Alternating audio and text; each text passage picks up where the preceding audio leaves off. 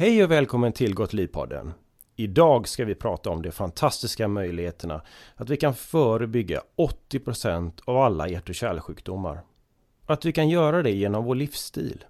Hör ni mina vänner? WHO hävdar att 80% av alla hjärt och kärlsjukdomar kommer från vårt beteende. Det här är fantastiskt! Vi ska prata med Pelle Johansson på Riksförbundet Hjärt och Lung. Hej Pelle! Hej! Du får gärna berätta lite om er verksamhet. Vi är en patientförening som har som uppgift att göra så bra som möjligt för personer som lever med hjärt och lungsjukdom. Och när det gäller hjärtsjukdom då så är den stora gruppen personer som får förträngningar i själva hjärtats egna blodkärl, så kallade kranskärlen. Och det kan leda till kärlkramp eller i värsta fall hjärtinfarkt. Och får man en hjärtinfarkt så ska man ju eh, komma till akutvården så fort som möjligt i ambulans. Och eh, i, på plats så, så eh, gör man så numera att man går in och öppnar de kärl som är förträngda och sätter i ett så kallat stent, ett metallnät som håller uppe kärlet så att blodet kan, kan flöda. Men det här kan, som du nämnde i inledningen, kan förebyggas. Eh, om man har sunda levnadsvanor så kan man, kan man eh, då minska risken att drabbas utav eh, hjärt-kärlsjukdom, i det här fallet då hjärtinfarkt. Och har man väl fått en hjärtinfarkt så kan man med livsstilsförändringar minska risken att få en ny hjärtinfarkt när vi pratade häromdagen här om vad det finns för möjligheter. Dels att förebygga detta men även efteråt när man har, då genomgått en sån här operation. Eh, vilken typ av information får egentligen patienter då? Ja, det är en, en, bra fråga. För när vi har pratat med våra medlemmar, vi är som sagt var en patientorganisation med 38 000 medlemmar över hela landet, så fick vi en bild av att patienterna uppfattade sig som botade när man gjorde en sån här ballongvidning då som, som det handlar om att man går in med och tänjer ut ett sånt där förträngt kärl. Eh, och då frågade vi dem hur, hur det gick för dem efteråt med, med träning och ändrade vanor och då påstod de att de behövde inte det för att de hade gjort en ballongvidgning. Och det där tyckte vi var märkligt eh, och vi diskuterade detta med vården och de hävdade att de informerade patienterna om livsstilens betydelse men det hade tydligen inte gått fram. Mot den bakgrunden gjorde vi en egen studie, en SPICY-studie, som vi publicerade för några år sedan. Och den studien gav oss två besked. Det ena var att patienterna uppfattade informationen ifrån vårdpersonal som att de var botade och inte behövde ägna sig åt livsstilsförändringar. Och den andra frågan var att de hade bristande kunskap om sin sjukdom de trodde nämligen att orsaken till att de hade fått hjärtinfarkt var orsaker som de inte kunde påverka. Nämligen ärftlighet som 52 procent uppgav, ålder och också stress. Att man hade haft en dåliga förhållanden på sitt arbete som hade orsakat den här hjärtinfarkten. Sen att de var överviktiga och inte tränade och rökte och, och så vidare.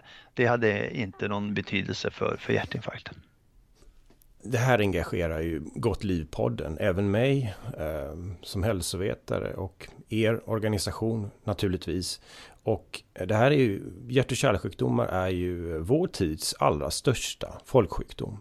Globalt sett. Och eh, när vi då kan förebygga 80% av de här sjukdomarna så måste vi se fördelarna med en livsstilsförändring.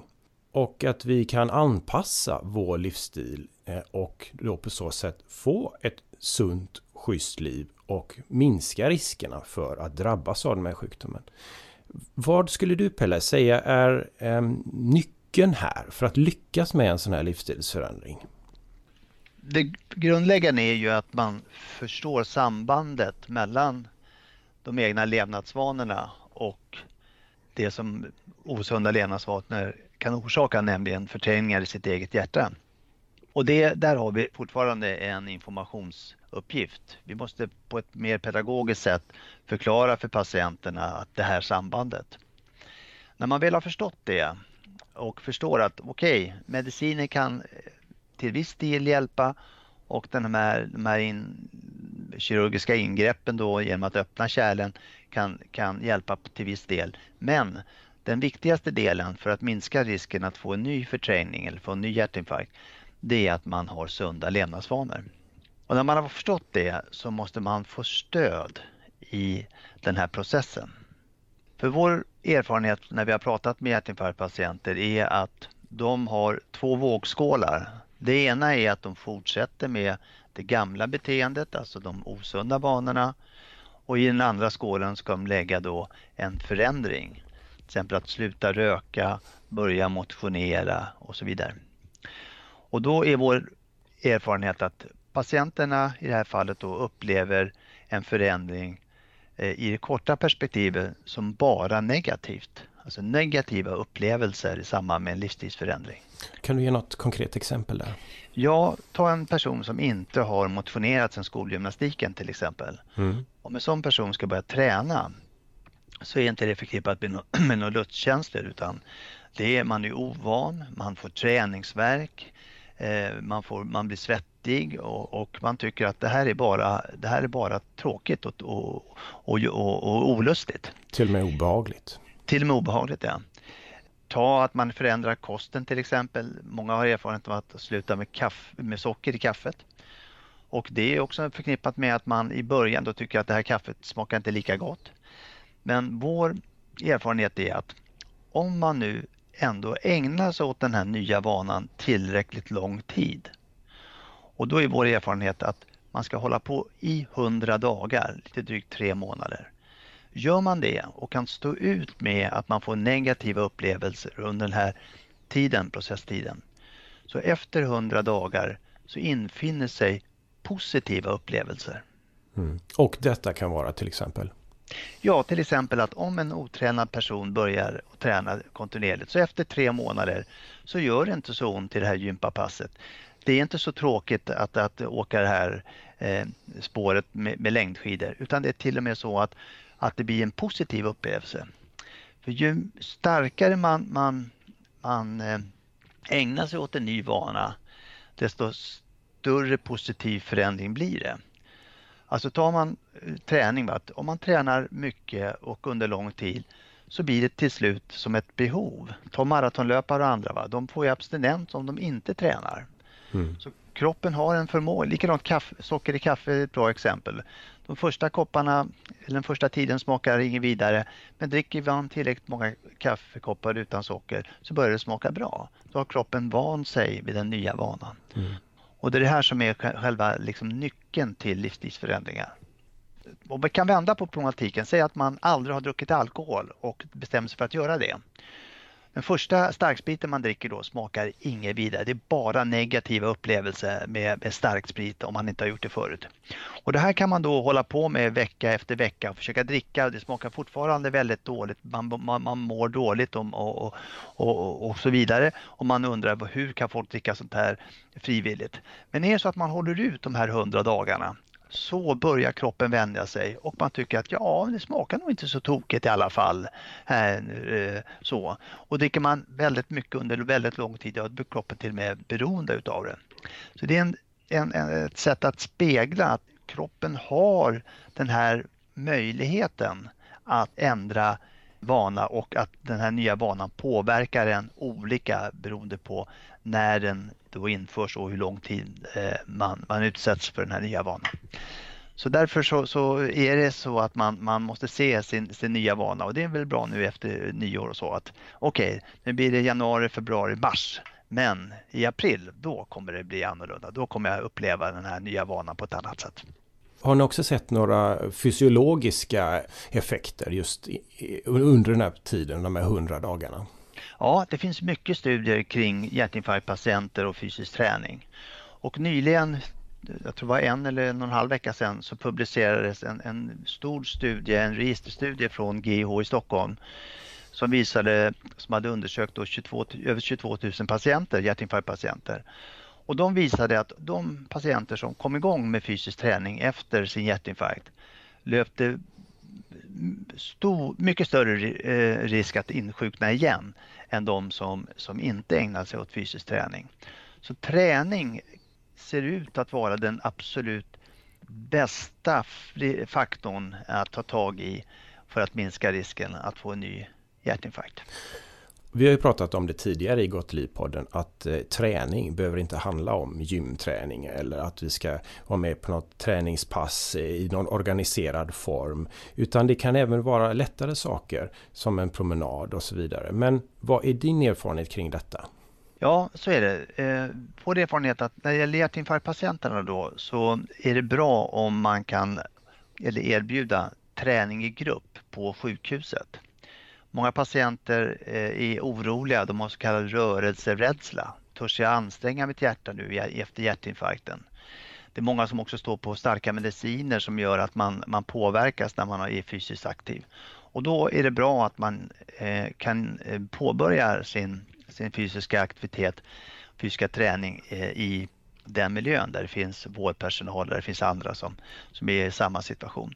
Men när man har klarat av den delen i, i processen och den brukar ta tre månader. Man har erbjuds idag på de flesta håll i landet tre månaders fysisk träning på, med sjukgymnast på sjukhus. Så gäller det att man då kommer igång eh, eh efter det och då är det bra att man kan eh, knyta eh, upp sig i något medlemskap på, på någon Friskis och Svettis eller gärna i våra lokalföreningar. Vi har motionsgrupper i, i hela landet med, med ledare som som själva har erfarenhet av, sin, av den här sjukdomen. Eh, så då kan man fortsätta där, det är motivationshöjande och det också ökar tryggheten. Men sen gäller det också att vara fysiskt aktiv i vardagen. Att kanske skaffa en stegmätare och gå 10 000 steg per dag. Eh, att välja att gå i trappor fast det finns rulltrappor och så vidare så att man är fysiskt aktiv under dagen också. Mm. Kan du säga någonting om maten?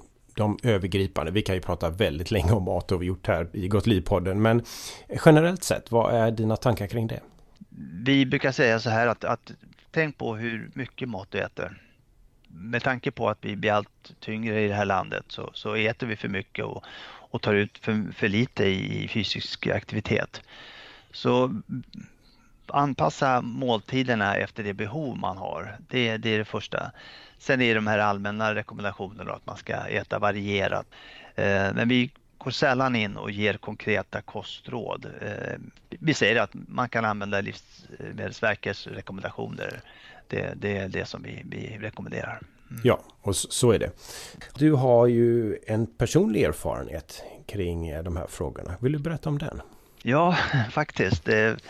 Det, är så att jag har, har då eh, tränat hela mitt liv. Jag, jag älskar att träna och har gjort det på elitnivå och numera så, så cyklar jag till och från jobbet vilket är fyra mil om dagen och gör jag året runt och tränar fem dagar eh, på gymmet och, och så. Eh, det här har bidragit till att jag har fått det som kallas för hjärtrytmstörningar, det vill säga arytmi. Eh, den här hårda träningen har, har bidragit till att jag har fått någonting som heter förmaksfladder. Och det yttrar sig så att man får en hjärtrusning, man får en vilopuls som i mitt fall låg på 160. Och det här har man sett nu i undersökningar på Vasaloppsåkare, att de Vasaloppsåkare som har åkt flest lopp och de som har bäst tider, där finns det en ökad förekomst utav förmaksflimmer och förmaksfladder. Så det här är relaterat till träning. Men jag fick göra då eh, elkonverteringar eh, som heter att man chockar hjärtat så att det hoppar i rätt rytm igen. Men det här kom tillbaka under en tre månadersperiod vid två tillfällen så att jag fick göra tre sådana här elkonverteringar. Och då eh, när jag gjorde den tredje så, så rådgjorde jag med min arytmiläkare och sa så här, hur gör jag nu då för att minska risken att få ett fjärde påslag? För då måste man göra ytterligare ett kirurgiskt ingrepp för att minska ja, risken att man får flera påslag. Och då fick jag klart för mig att jag skulle, det är fyra, fyra delar som påverkade att man startar upp en sån här hjärtrusning. Och det var för mycket kaffe, vilket jag har minskat med. Mm. Det är att eh, man inte ska gå på högvarv eh, för långa perioder, alltså stress, vilket jag också har påverkat. Det gäller att inte träna för hårt och jag har en pulsklocka nu så att jag tränar inte över 140 i puls då när jag anstränger mig. Och det andra är att alkohol kan vara en trigger för att dra igång det här. Så det gjorde att jag slutade med alkohol sedan två år tillbaka nu. Och eh, med de här fyra förändringarna så har jag nu blivit stabil. Jag behöver inte äta några mediciner längre och jag har inte haft något, någon, någon känning utav förmaksfladder på, på lite drygt två år nu. Jag är nyfiken på de här hundra dagarna som vi pratade om tidigare då. Och hur var din erfarenhet kring de första hundra dagarna i din livsstilsförändring? Ja, det, det som blev mest kännbart det var det här med att jag bestämde mig för att inte dricka någon alkohol mer. Att jag hade druckit min sista alkoholdroppe. Och det här var, jag gjorde den här eh, elkonverteringen dagen före midsommar och fick då uppleva midsommarafton på ett annat sätt än vad, vi, vad jag brukar göra. Eh, jag satt där med min alkoholfria öl som smakade dock väldigt gott. Man har lyckats göra alkoholfria öl tycker jag på ett väldigt bra sätt. Mm. Men sen så var det naturligtvis sociala situationer som, där det här blev kännbart och där jag fick verkligen intala mig själv om alternativet. Pelle, vill du dricka alkohol vid det här tillfället eller vill du riskera att få ett nytt påslag? Och märkbart var när vi var ute och seglade Stockholms skärgård och besökte en kompis som, vi var flera som strålade samman och han bjöd på, på Dry Martini på bryggan. Eh, och sen så kom han till mig och sa, ja Pelle vad vill du ha då? Jag köpte en Cola Zero till dig. det, det kändes ju sådär, då fick man verkligen fundera på sina motiv till, ja. till, ja. till att ändra det. Men det var svårt eh, i början, då tänkte jag på det. Mm. Efter hundra dagar så eh, blev det mindre svårt. Och nu mm. tänker jag inte på det, nu är det liksom en naturlig del i, i, i mitt liv. Så att när vi är på fester eller går ut och tar en AV med kompisarna så, så dricker jag alkoholfritt och det, det fungerar alldeles utmärkt. Ja. Och det du är inne på här, det har vi pratat om tidigare också, det är ju den här viljekraften och att den kommer inifrån den inre motivationen. Och det som gör mig extra glad i det du säger är att du fick reflektera över varför du gjorde din, din livsstilsförändring. Varför var det viktigt för dig? Och det är just det som är en väg. Komma närmare sin inre motivation. För man vet vad som verkligen är viktigt och betydelsefullt för oss. Alla har vi ju våra enskilda preferenser för saker och ting. Och det gäller att hitta just det där specifika som gör att, så att livsstilen håller längre. Har du någon sammanfattande kommentar Pelle? Att nyckeln till att få bestående livsstilsförändringar det är att man ger den nya vanan tillräckligt lång tid det är många som, som nu, inte minst nu efter nyår då, kommer på att ja, nu ska jag börja göra det eller nu ska jag sluta med det.